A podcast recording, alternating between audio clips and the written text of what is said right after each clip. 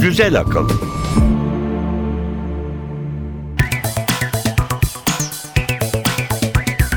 Merhaba Türkiye, merhaba Elif Yılmaz. Merhaba İnan Aran. Güzel Akıl bölüm 8 başlıyor. Bakalım bu hafta bilim ve teknoloji gündeminde neler var? Biz nelerden bahsedeceğiz? Tanıtımımızı dinleyelim önce. Güzel akılda bu hafta. 50 yıldır aranan haylaz bozon tanrı parçacığı kuvvetle muhtemelen bulundu. CERN araştırmacıları evrene ilişkin bildiğimiz her şeyi değiştirme yolunda son düzlüğe girdiler. Sırtınızda ya da belinizdeki ağrının ne zaman geçeceğini bilmek, kronikleşmeden tedbir almak artık mümkün. HIV testi eczaneye geliyor. Enfekte olup olmadığını öğrenmek basit bir teste bakıyor. Felçli hastalar düşünecek. Manyetik rezonans görüntüleme sayesinde düşünceler görüntüye dönüşecek. Dünyanın en ince ekranında film seyretmeye hazır mısınız? Sabun köpüğü banyodan çıkıyor, ekran olarak masanıza konuyor. Edison pili yeniden hayat buluyor. Elektrikli arabalar grafenle şenleniyor. Bilim ve teknoloji tarihinde bu hafta neler oldu? Cahillikler Köşesi Ve bir portre. Richard Feynman kimdi? Onu hem bu kadar muzip hem bu kadar ciddi kılan neydi? Tüm zamanların en önemli fizikçilerinden Feynman striptiz kulüplerinde ne arıyordu? Güzel akıl. Bilim haberleriyle başlayalım. Başlayalım. Yetişkinlerde sırt ve bel ağrısı en sık rastlanan rahatsızlıklardan. Şanslı olanlar birkaç gün içinde ağrıyı bertaraf ederken kimileri yıllarca çekiyor maalesef. Chicago'daki Northwestern Üniversitesi'nde yapılan araştırmada ağrının oluşmaya başladığı evrede beyin taraması sonucu hastaların iki gruba ayrıldığı gözlemlendi. Böylece aynı tür ağrıya maruz kalan hastalardan hangisinin bunu kolayca atlatabileceği, hangisinde ağrının kronikleşebileceği saptanabiliyor. Nasıl? 39 hastayla bir çalışma yaptılar. Çalışmada çevreye karşı gösterilen duygusal tepki ve öğrenmeden sorumlu beyin bölgeleri insula ve nucleus accumbens'teki etkinlik ölçüldü. Ağrıyı uzun süre çekenlerde bu bölgelerde iletişimin arttığı gözlemlendi. Araştırmacılar bu bulgu ışığında kronik ağrıyla kucaklaşmak zorunda kalacak hastalar için bu bölgeler arasındaki iletişimi azaltacak bir ilacın geliştirebileceğini düşünüyorlar. Bir başka sağlık haberimiz daha var. O neyle ilgili? Ee, HIV testiyle ilgili. HIV testi yaptırmak zor biliyorsun. Hem Evet. her yerde yapılmıyor hem de test yaptırmak isteyene hemen potansiyel virüs taşıyıcı gözüyle bakılıyor. Öte yandan HIV pozitif olduğunu bilmeden yaşayan ve farkında olmadan başkalarına da bulaştıran yüz binlerce insan var. Sırf Amerika Birleşik Devletleri'nde 1 milyondan fazla insanın HIV pozitif olduğu ve bunların yaklaşık 200 bininin durumundan haberdar olmadığı düşünülüyor. Bu nedenle HIV testinin daha yaygın ve basit hale getirilmesini destekleyen Amerikan Hastalık Kontrol Merkezi ve Gıda ve İlaç Kurumu hastane ve kliniklerde başlattıkları pilot uygulamayı eczanelere taşıyorlar. Nasıl bir şey bu? Ee, basit bir test. Ağızdan basitçe alınan tükürük ya da salya örneği yardımıyla test yarım saat içinde HIV taşıyıp taşımadığınızı çok yüksek bir düzeyde söylüyor. Pratik, güzel. Evet, testin eczanelerde, büyük marketlerde ve internette satılması planlanıyor. Primatlarla ilgili bir haber var. Ee, enteresan bir haber, eğlenceli. Primatlar için ormanda dolaşmanın en kolay yolu ağaçtan ağaca atlamak. Bunu biliyoruz. Şüphesiz. Roehampton Üniversitesi'nden araştırmacılar orangutanların ormanda yollarını bulmak ve ağaçta yaşamak için ödedikleri bedeli hesaplamaya kafayı takmışlardı. Bunun için akrobatları kullandılar. Bu sokak gösterileri yapan akrobatlar var ya. Ha bu telde yürüyen cambazlar gibi. Evet bu duvarlara tırmanan, atlayan, zıplayan. Evet. Ağaçta yaşayan diğer hayvanlardan daha iri olan orangutanların neden zamanlarının çoğunu ağaçta geçirdiklerini ve yeterince enerji sağlamadığı halde meyve ağırlıklı beslendiklerini buldular. Ağaçta yaşamanın, ağaca tırmanmanın ve daldan dala atlamanın gerektirdiği enerjiyi bulmak için akrobatlara oksijen tüketimlerini ölçen bir cihaz takıldı. Adamlar tavandan sarkan iplerle tıpkı orangutan gibi hareket edip oradan oraya sıçrayıp en verimli davranış biçimini buldular. Bir kere Diğer dalı tutana kadar ileri geri sallanmak önemli. Tutmadan atlamayacaksın. Sonra ağacın yeterli sertlikte olması büyük avantaj. Böylece araştırmayı yapan ekip aslında sıçrama yeteneği olmayan ağır orangutanların ağaçlarda nasıl yaşadığına ilişkin merak edilen sorulara yanıt bulduklarını düşünüyorlar. Bu çalışma geçen hafta Deneysel Biyoloji Derneği'nin Salzburg'da gerçekleştirdiği toplantıda büyük sükse yaptı. Ne güzel işlerle uğraşıyorlar değil mi?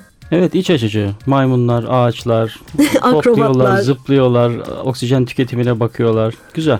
Ama bu haftanın ve hatta son 50 yılın, 100 yılın, abartıyorum, 1000 yılın haberi neydi? Evet Elif? bombası. Fizikçilerin geçen hafta kutlama yapmak için çok haklı bir sebepleri vardı.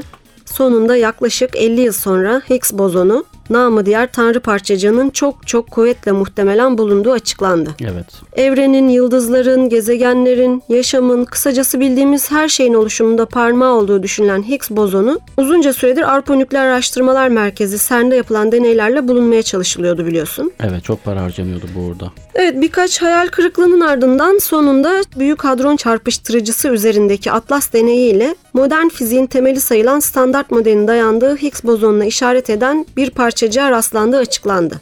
Evreni oluşturan büyük patlamanın hemen ardından saniyenin milyonda biri kadar sonra etrafa saçılan parçacıklara kütle kazandırdığı düşünülen Higgs bozonu başka parçacıklara bozulmadan saniye ile ölçülemeyecek kadar kısa bir ömre sahip. İşini görüyor ve çekiliyor. Evet anında. Bu nedenle onu göremiyoruz ama araştırmacılar bozulma ürünlerini ölçerek Higgs bozonunu gözlemleyebiliyorlar. Araştırma ekibinin başında bulunan Fabiano Gianotti ellerindeki verilere göre 126 GeV kütle bölgesinde yeni bir parçacığın izlerini 5 sigma seviyesinde gözlemlediklerini açıkladı. Bu da Higgs içermeyen evrende 3 milyon deneyde sadece bir kez bu kadar güçlü bir sinyalin tesadüfen ortaya çıkabileceği anlamına geliyor ki Medyada %99,900 gibi verilen kesinlik buradan geliyor. Ha, bulmuşlar da işte bilimci hassasiyetiyle e, temkin sınırlarını tanımlıyorlar. Evet, aslında, evet. aslında bulunmuş. Yani Evet. varmış öyle bir şey. E, düşüncede yanılmamış e, Bay Higgs ve öngördüğü parçacık o standart modelin aranan e, elemanı nihayet bu süreçte yakalandı. Evet Higgs zaten yazık gözyaşlarına hakim olamadı. Çok duygulu bir andı. Ee, Bu bir keşif anda. olabilir diyor. Galiba bulduk diyor. Naif bir insan işte kendisi. Bitti mi peki çalışma? Daha değil. Bu veriler tekrar tekrar gözden geçirilecek ve resmi açıklama ona göre yapılacak. Peki ne oldu? Şimdi Higgs bozonunu bulduk ne oldu? Çok kabaca şöyle söyleyebiliriz. Bu sayede evrenin oluşumu hakkında çok temel bilgilere erişebileceğiz. Evet. Ayrıca standart modelde öngörülen diğer parçacıklara ulaşma yolunda çok büyük bir adım atılmış oldu. İnsanlık için en büyük adım belki de. Evet belki doğru söylüyorsun. Teknoloji haberlerine geçmeden müzik arası verelim. Davulun Sesi 1 Nisan 2012'de Teknosak Records bünyesinde yayınlandı. Albüm Türkiye'den enstrümental hip hop prodüktörlerini buluşturuyor. Üstelik bedava. Şimdi bunlardan birine bakalım. 10 sırt numaralı iş bitiren forvet tarzı elektro minimal groove trafiğiyle dikkat çeken Sign and Noise. Çevirelim. Sinüs ve gürültü. Trupa.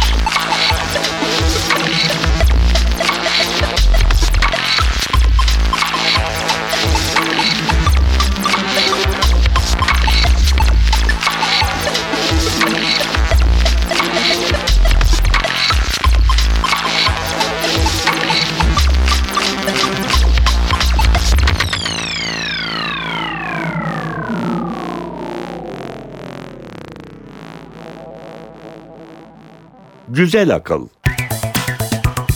Teknoloji haberleriyle devam edelim. Konuşma becerisini yitirmiş felçli hastalar fonksiyonel manyetik rezonans görüntüleme yöntemiyle alfabedeki harfleri ve boşluğu seçebiliyor. Current Biology adlı dergide yayımlanan makaleye göre her bir karakter beyinde farklı bir kanlanmaya yol açıyor ve fonksiyonel manyetik rezonans görüntüleme bu farklılıkları ayırt edebiliyor.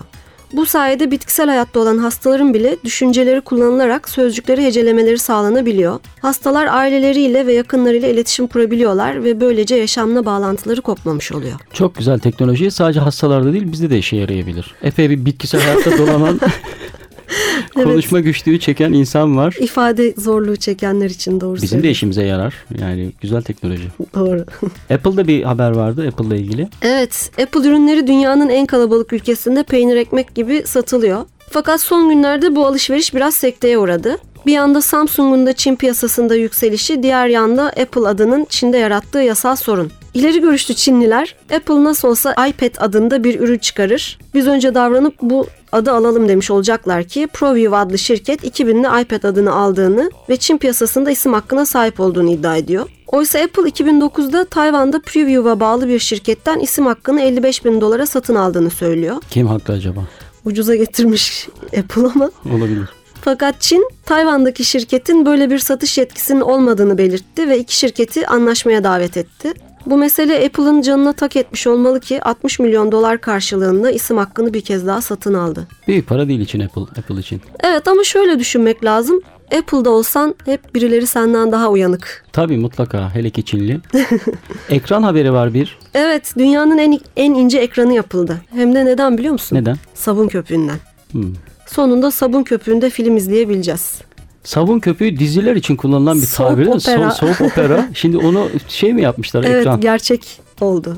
Japon ve Amerikalı bilim insanlarının yürüttüğü çalışmada ışığın içinden geçmesine ve renkleri üzerine yansıtmasına izin veren sabun köpüğü kullanılıyor. Bu bildiğimiz şu çocukların oynadığı köpükle temelde aynı yapıda ama biraz farklı bir formda. Köpük zarı ultrasonik dalgalara maruz bırakılıyor. Yansıtılan görüntünün yapısı değişiyor ve daha sert ya da yumuşak görünmesi sağlanıyor. Dalgaların frekansı değiştirilerek de ekranın yansıtıcı özelliği farklılaşıyor. Böylece ekranın şeffaflığına etki edilebiliyor. Daha canlı, daha belirgin ve gerçekçi görüntüler yansıtılabiliyor. 3D efekti hatta holografik görüntüler elde edilebiliyor. Peki bu ekrana parmağımızla dokununca köpüğün ayrılması, patlaması söz konusu mu? Yok değil, hayır. Daha Güzel. sert bir yapıda.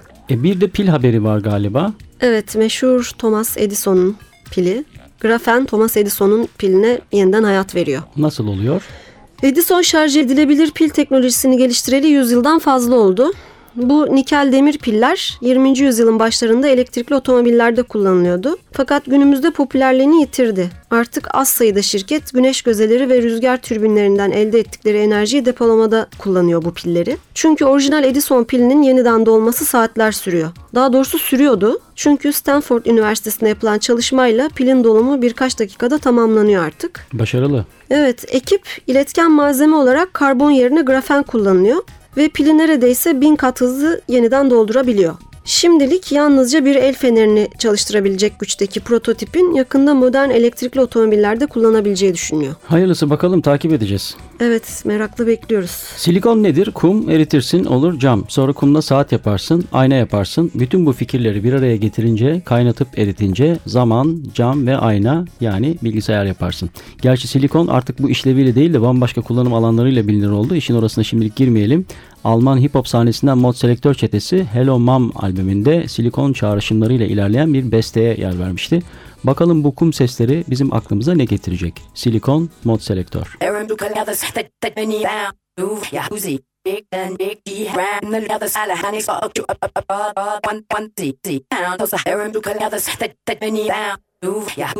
Big and big D ram the leathers all honey so up you up up up up one one one one D D.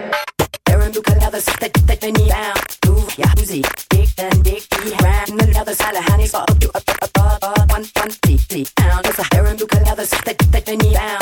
Move ya whoosy. Big and big D ram the leathers all honey so up you up up up up up one one D D down. Better pay your lambs that many down.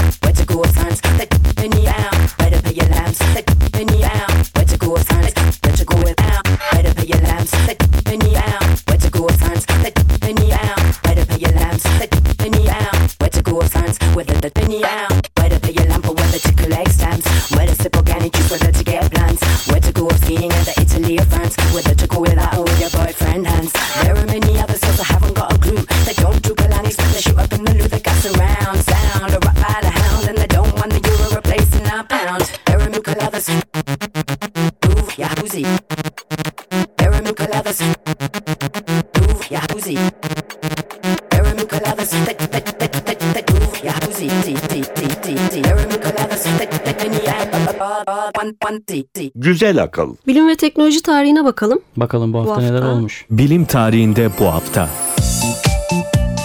2 Temmuz 1922. 19. doğum gününden bir gün önce Ralph W. Samuelson su kayağı yapan ilk insan oldu. Samuelson'ın Amerika Birleşik Devletleri Minnesota'daki Pepin Gölü'nde bir fıçıdan söktüğü tahtalar ve kar kayaklarıyla yaptığı deneme başarısız olurken uçlarına kavis verdiği 2,5 metre uzunluğunda ve 23 santim genişliğindeki iki tahtanın üzerindeki denemesi başarılı oldu. Tahtaların üç kısımlarını annesinin bakır su ısıtıcısında ısıtıp kıskaç ve payandayla sıkıştırıp büktü, iki gün kurumaya bıraktı.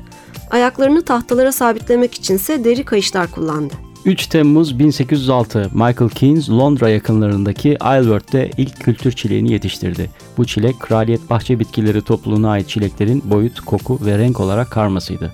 Günümüzde var olan 600 kadar çilek türünün kökleri 5-6 yabani çileğe dayanıyor. 4 Temmuz 1997 İnsansız uzay aracı Mars Pathfinder fırlatıldıktan 7 ay sonra Mars atmosferine girdi. Gezegen atmosferinin toprak ve kayaç yapısının hem jeolojik hem de kimyasal yapısının incelendiği görevde Pathfinder 10 kilogramlık robot keşif aracı Sojourner'ı taşıyordu. Ares Vallis adlı bölgeye iniş, ısı kalkanı, paraşüt ve hava yastıklarıyla yumuşatıldı. Otonom olarak hareket eden Sojourner gezegende fotoğraf çekti ve birçok bilimsel veri topladı. 5 Temmuz 1996 ilk klon koyun Dolly, Edinburgh'daki Roslin Enstitüsü'nde hayata gözlerini açtı.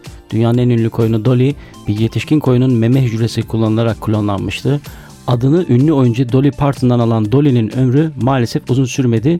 2003'te Dolly'yi kaybettik. 6 Temmuz 1905 John Walker Avrupa'dan Amerika'ya parmak izi gönderilen ilk kişi oldu. Böylece Londra ve St. Louis polisi arasında ilk kez parmak izi değiş tokuşu gerçekleştirilmiş oldu. 7 Temmuz 1550 Avrupa ilk kez çikolatayla tanıştı. İspanyol kaşifler Christoph Kolomb ve Hernando Cortez, Orta Amerika yaptıkları gezide Aztek kralının kendilerine sunduğu öğütülmüş kakaolu içeceği beğenip memleketlerine taşıdı. Çok teşekkür ederiz kendilerine. Lezzetli bir keşif.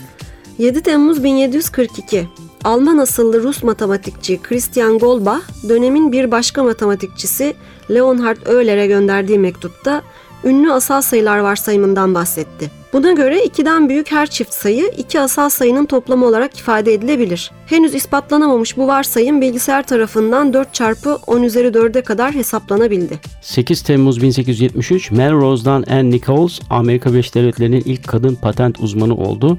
Bu tarihe dek kadınlar bu göreve getirilmiyordu. Şimdi cahillikler köşesi var onu dinleyelim. Cahillikler Köşesi Neden ay beyaz güneş sarı görülür? Ayın ışınları yansıtan bir yapısı vardır. Dolunay, güneşten 400 bin kere daha az parlak olduğu halde kendisine vuran ışınları yansıttığı için parlak gibi görünür. Aya baktığımızda algıladığımız renk aslında retinamızın algısıyla ilgilidir.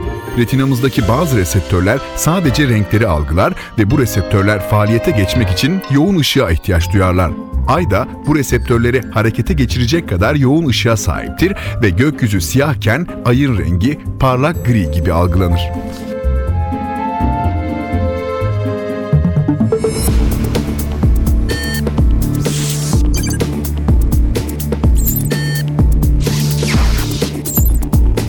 Güzel Akıl devam edecek.